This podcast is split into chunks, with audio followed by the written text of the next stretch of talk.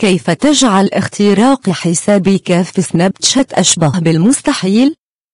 نكمل معكم هذه السلسلة مع تطبيق سناب شات الشهير والذي أضاف ميزات التحقق من خطوتين بعد تعرض الخدمة للاختراق وتسريب آلاف الصور والفيديو في وقت سابق من العام الماضي ورغم أن سناب شات ألقت باللوم على المستخدمين الذين يقومون بالسماح لتطبيقات الطرف الثالث بالدخول إلى حساباتهم والتي أغلبها تطبيقات غير موثوقة وقامت بالفعل بالتواصل مع غوغل وما يكروس وفت لائقة في تطبيقات الطرف الثالث على متجريهما وهذا ما تم. حتى أن تطبيق 6 سناب البديل الغير رسمي للتطبيق على الويندوز فون تم إيقافه حيث لا يوجد تطبيق رسمي لسناب تشات حتى الآن على الويندوز فون رغم وعود الشركة المتكررة بتوفير تطبيق رسمي قريبا ولكن لا شيء حتى الآن.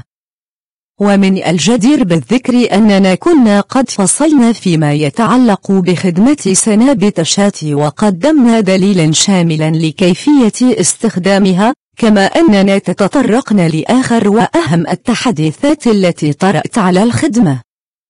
واليوم ضمن سلسلة التوعية الأمنية لأشهر الحسابات على الأنترنت سوف نخبركم كيف تقومون بتأمين حسابكم على سناب شات بحيث يصبح اختراقه أشبه بالمستحيل.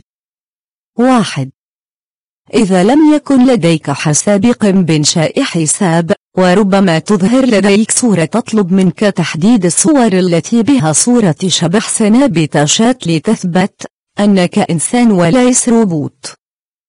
اثنان اضغط على صورة الشبح بأعلى الصفحة. ثلاثة اضغط على رمز الترس بالزاوية اليمنى العليا. أربعة قم بإدخال رقم هاتفك إذا لم تكن قد أدخلته سابقا ثم انقر على login verification لتفعيل عملية التحقق من خطوتين وأما في تبويب privacy تستطيع تحديد من يستطيع رؤية سناباتك وكذلك من يستطيع إرسال السنابات إليك.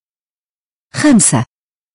اضغط على login verification وفعل الخدمة بالضغط على المربع الصغير بجانب عبارة login verification حتى يصبح بداخله علامة صح ومن باب الحيطة اضغط على recovery code وقم بنقل الرقم الذي سيظهر لك على الشاشة وذلك في حال لم تصلك رسالة SMS تدخل ذلك الرقم بدلا منها وأما الخيار الأخير forget devices فمهمته هي إلغاء صلاحية الدخول من أحد الأجهزة التي قمت بتسجيل الدخول منها في حال سرقة الجهاز كي لا يستطيع أحد الولوج إلى حسابك. في سناب تشات